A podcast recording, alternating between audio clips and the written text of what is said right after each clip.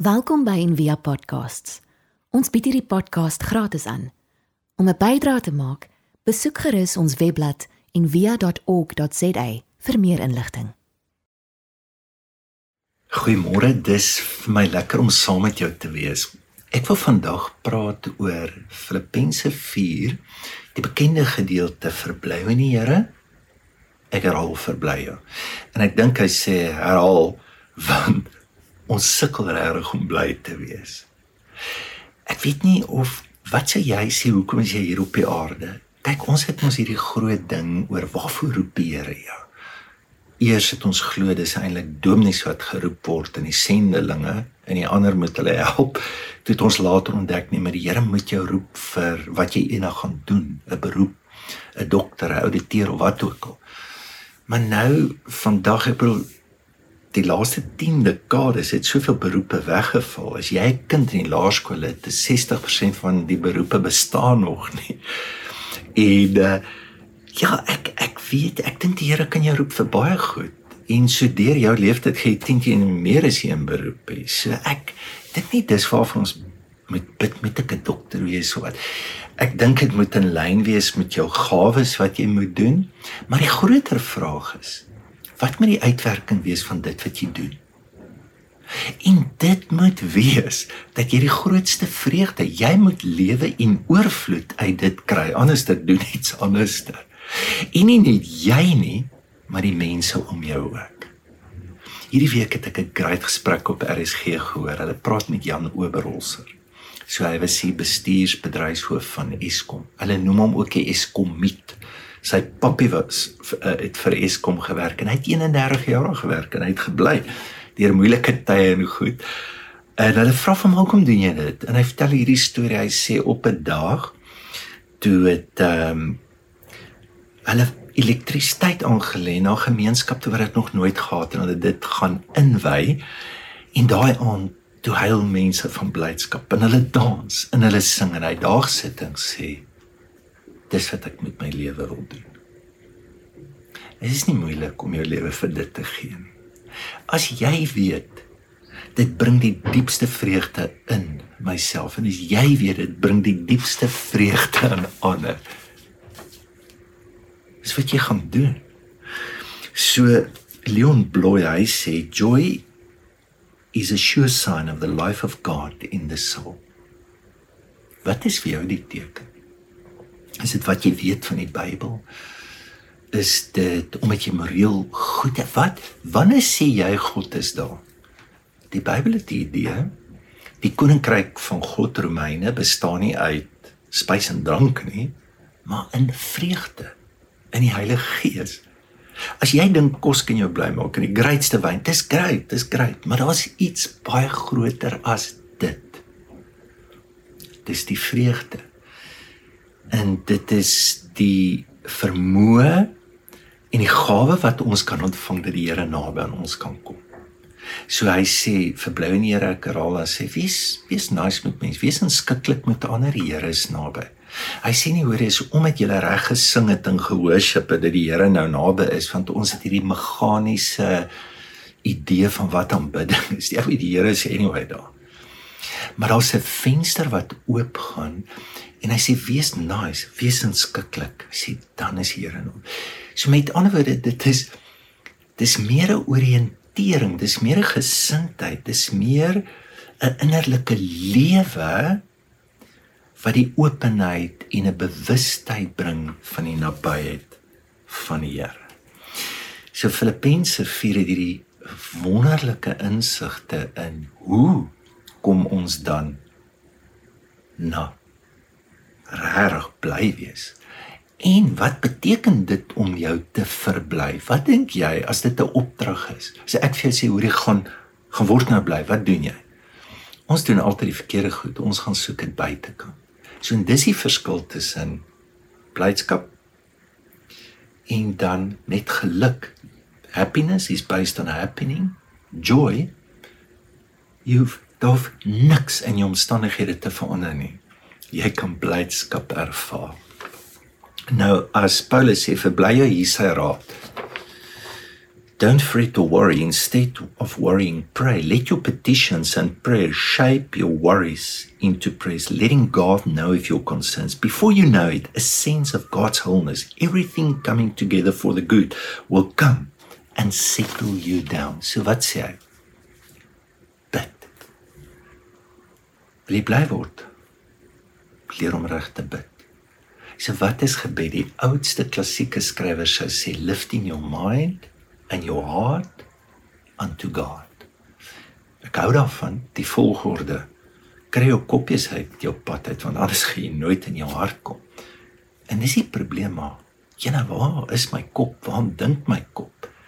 Ek bedoel is lekker om te bid as ek my beste is en ek voel naby aan die Here en ek eh, is op 'n goeie plek.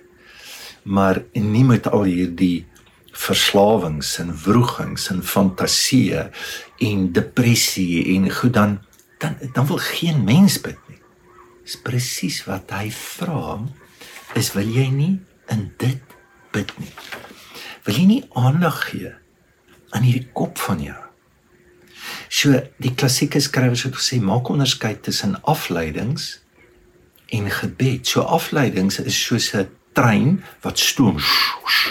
So ons bewussyn kom en is daar. En is daar is nie wat jy moet doen. O, oh, ek dink aan dit, ek bid vir dit. O, oh, ek dink. Dis nie Heilige Gees wat jou lei. Dit is jy's besig met distractions. Gebed is aandag. So as hy blaas, vat daai blaas. Bring dit na die Here toe. En al is dit al is dit iets wat jou ongemaklik maak, al is dit iets waar jy dalk skaam voel jy hoef nie dis dis amper soos 'n kind. Wat so mooi is van 'n kind is die volgende is dat ehm um, as 'n 2-jarige iets regtig doms doen of so dan skree die pa of die ma nie of bestraf of trap hulle uit. Nee.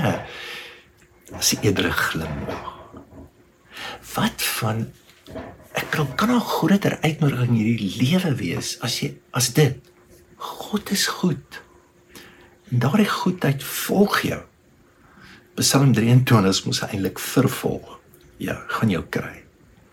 En daai goedheid wag vir jou met 'n glimlag en dat God kyk oor jou lewe met 'n glimlag.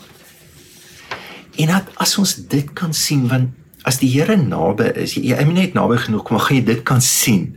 En dit verander die landskap van emosies binne my lewe. Nou, hier's 'n oulike patroon wat wil afsluit met dit. So jy het in die gemeente al baie gehoor van die vier bewegings en ehm um, seker die wat baie naby is aan dit wat ek nou wil sê is as hulle jou leer Bybel lees, dit van die vroegste tye het hulle gesê jy moet dit lees, jy moet dit mediteer, jy moet dit praat of dit en jy moet dan wag op God, luister wat God vir jou daardeur sê en doen dit so hulle dit lectio divina of goddelike lees genoem. Daar is nice goed op die web as jy wil lees. Amper dieselfde patroon hierso. Jy moet dit met jou gedagtes ook doen. So in vier woorde, luister na hierdie voorwoorde: besorg, bekend, te bowe en doen. So hy sê eers wees oor niks besorg. Hierdie 60000 gedagtes. Dink net waaraan gaan jou besorgdheid? Oor hoe jy lyk, so kom ek so oefen, so kom ek so baie spandeer aan my voorkoms. So het jy gedink, vat net daai gedagte oor ek moet nou doen, ek moet wat is dit? Wil jy dit nie vat in God se lig nou op dit bring deur te dink daaraan? En dan die tweede ding is hy sê maak alle begeertes bekend by God praat met die Here daaroor. sien jy besorg, lees jou besorgdheid nê. Nee. OK. Vat nou dit en sit dit in woorde. Dis amazing wat gebeur as ons praat oor iets. Dit is asof jy dit uit jou uithaal. Jy sit dit daar, jy sien dit totaal van 'n ander perspektief af. Das das iets ongeloofliks aan dit. En dan hierdie is mooi, die derde ding en dis dit was kontemplasie genoem of wag of rus in God. Hy sê o en die vrede van God wat alle verstand te bowe gaan gaan jou sinne bewaar. Met ander woorde, onthou ons gedagtes het 'n bewese invloed. En as ons dit nie oor aan God oorgee nie, gaan daar niks niets in jou lewe gebeur. Romeine 12 sê laat God jou verander hierdie jou denke nie te maak. Dis wat nie moet word. Maar wat van het jy dit al probeer? Jy gaan dit nie regkry. Jy moet lank genoeg wag in gebed en praat met God dat die vrede van God wat alle verstand te bowe gaan nou na jou toe kom. Net so die Here naby kom. En dan hy net so en dood dat dan sê doen dit. Die God van vrede gaan met jou.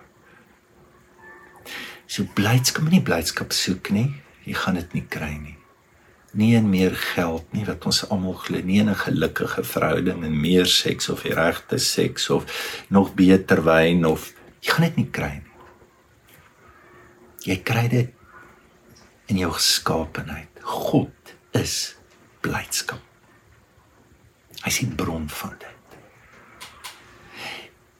En dit binne jou, jy's na sy beeld geskape as hy naby aan jou kom, as jy hom kan sien soos wat hy werklik is, dan kom dit wat hy in jou gemaak het en geskaap het ook na vore. En wat jy met soek is hoe lewe ek met so bewustheid? Nie hoe kry ek blydskap nie. So in 'n seker soos 'n man wat oor see moet gaan werk en hy's besig en hy's alleen, hy word versoek, maar hy dink aan sy vrou en sy kinders en hy dra hulle in sy hart. Hy maak nie net gou vinnige oproep. Hoor hoe gaan dit? Okay, alles reg, mis julle baie want dis hoe ons gebed hanteer. Net lewe met hulle. En met God ook in mag daai bewustheid vir jou die gawe van blydskap gee. Kom ons bid saam. Dankie vir blydskap. En Here, maak ons bly. Amen. Dankie vir die saamwees en dankie ook vir julle ondersteuning. En as jy nou so voel, dan kan jy deur Snapscan gee of net op die webloer. Geniet die dag. Ons hoop van harte jy het hierdie podcast geniet of raadsaam gevind. Besoek gerus en via.ok.za vir meer inligting.